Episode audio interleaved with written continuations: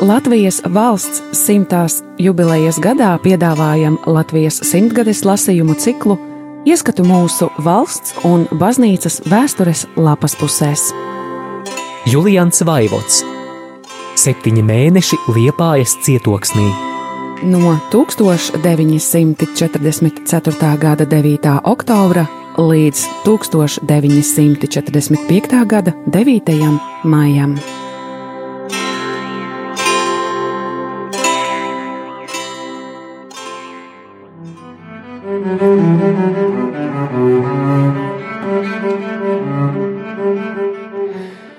Tūkstoš 945. gada 25. janvārī.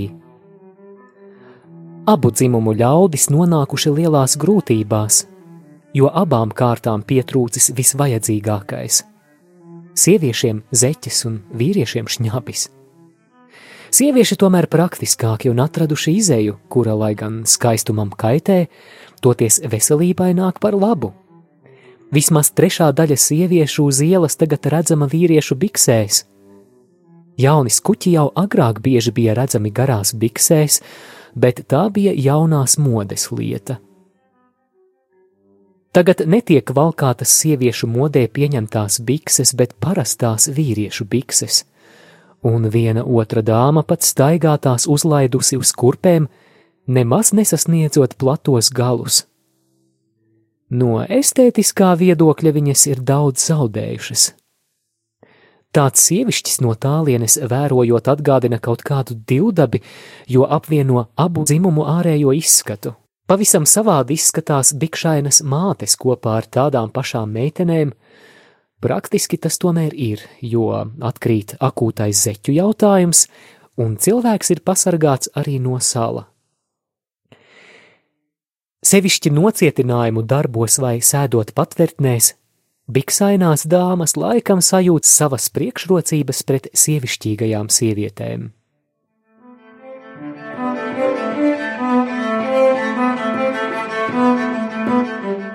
Vīrieši savai nelaimē praktisku atrisinājumu vēl nav atraduši.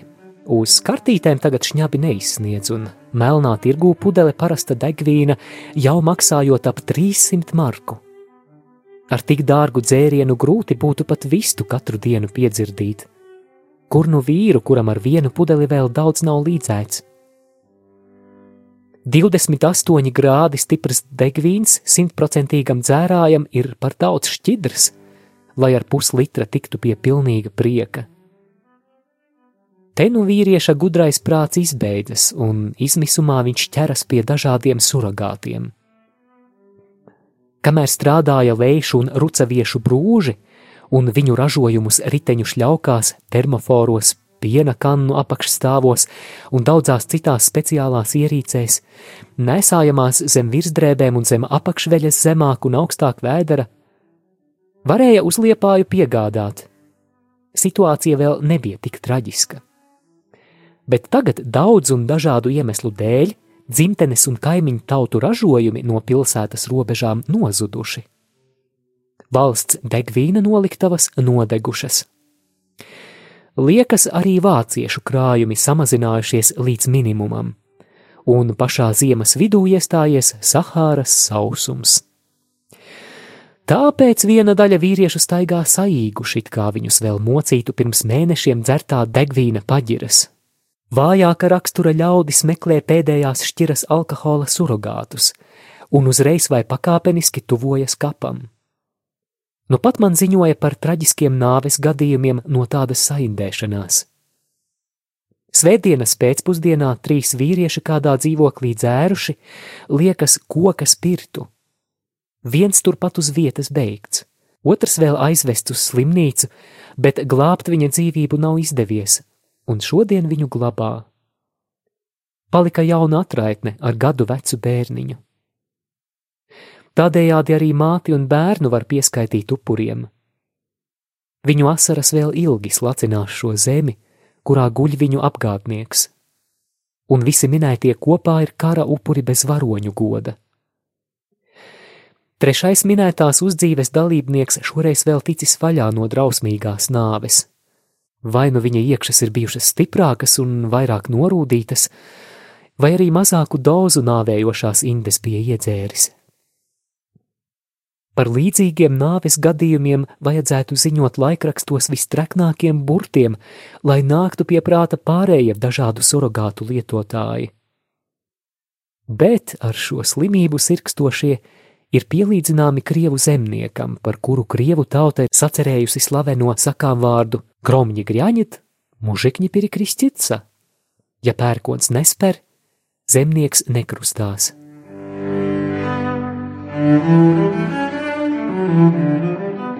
Thank you.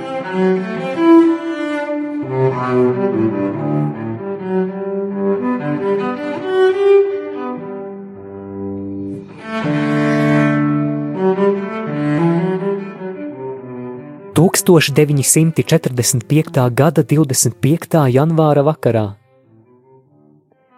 Nu pat parādio ziņoja, ka amerikāņi ņēmuši atpakaļ savu solījumu atjaunot Montekasino klosteri, ko savā laikā pēc minētā klostera sabombardēšanas bija devuši. Klostera drupām arī turpmāk tikai par drupām jāpaliek. Vācieši piebilst, ka būšot vēl viens piemineklis vairāk, kas liecināšot par amerikāņu barbarismu. Vai pēc šī kara vispār Eiropā būs tāds stūrītis, kur nebūs pieminekļu, kuri liecinās par šī briesmīgā kara postu? Pat mirušajiem, par kuriem parasti sakām, ka aizgājuši dieva mierā, šis miers tiek ņemts. Jau daudz esam dzirdējuši par kapsētu sabombardēšanu. Bet šis karš ir tik nežēlīgs, ka frontei tuvojoties pat līķiem jābēg. Vakar vācu radiofons ziņoja, ka sakarā ar frontes pievirzīšanos Tanenbergai paši vācieši esot uzspridzinājuši slaveno kara varoņu pieminekli, bet feldmaršala Hindenburga un viņa sievas zārki kopā ar kara karogiem esot nogādāti drošībā. Pats piemineklis pēc kara tikšot atjaunots tajā pašā vietā.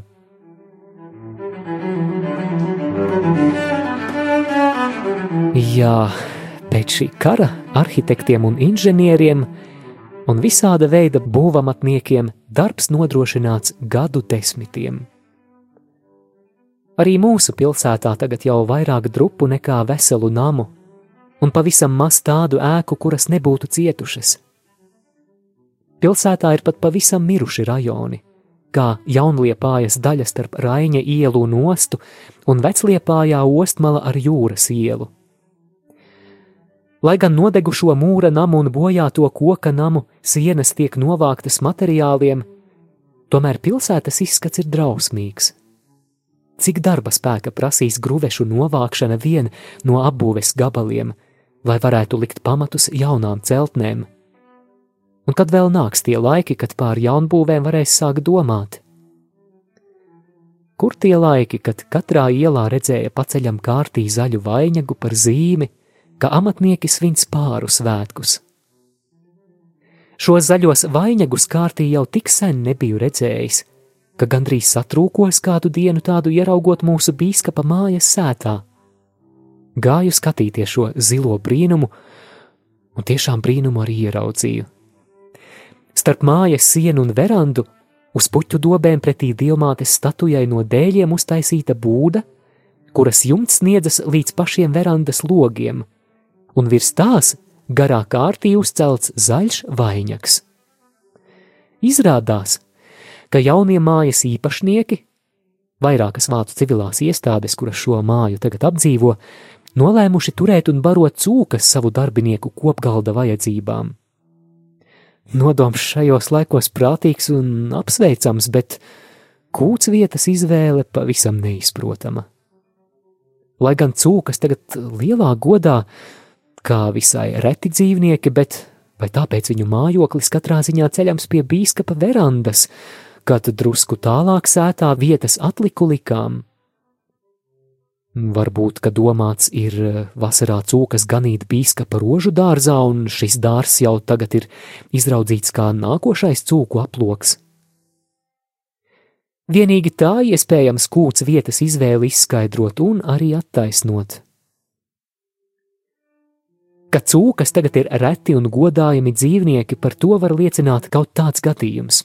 pagājušajā rudenī gāju pa lielo ielu gar rožu laukumu, kur uz ietnes stāvēja vairāki zēni skolas gados. Garām brauca kāds zemnieks un veda kastē dzīvu cūku. Zēni to ieraudzījuši, iekļiedzās rec cūka, un visi kā viens noņēmuši cepurītes cūkai klanīdamies uzsauca: Sveicināta mīļā cūciņa! Bērni savos spriedumos visbiežāk vadās no veselā instinkta, un tāpēc vispareizāk uztver patiesību. Nevelti teica, ka caur bērniem arī dievs runājot. Šī gadījumā zēnus gan nemazāk iespaidoja viņu veselīgā apetīte, bet tā arī cilvēkiem ir dieva dota. Tikai žēl, ka pat bērniem tagad apetītes prasības nav iespējams pilnīgi gandarīt. Tāpēc, lai dzīvo cūkas pie verandām un ganās rožu dārzā. Cilvēki tagad dara tik lielas cūcības, ka īsto cūku cūcība to priekšā pavisam nobāla.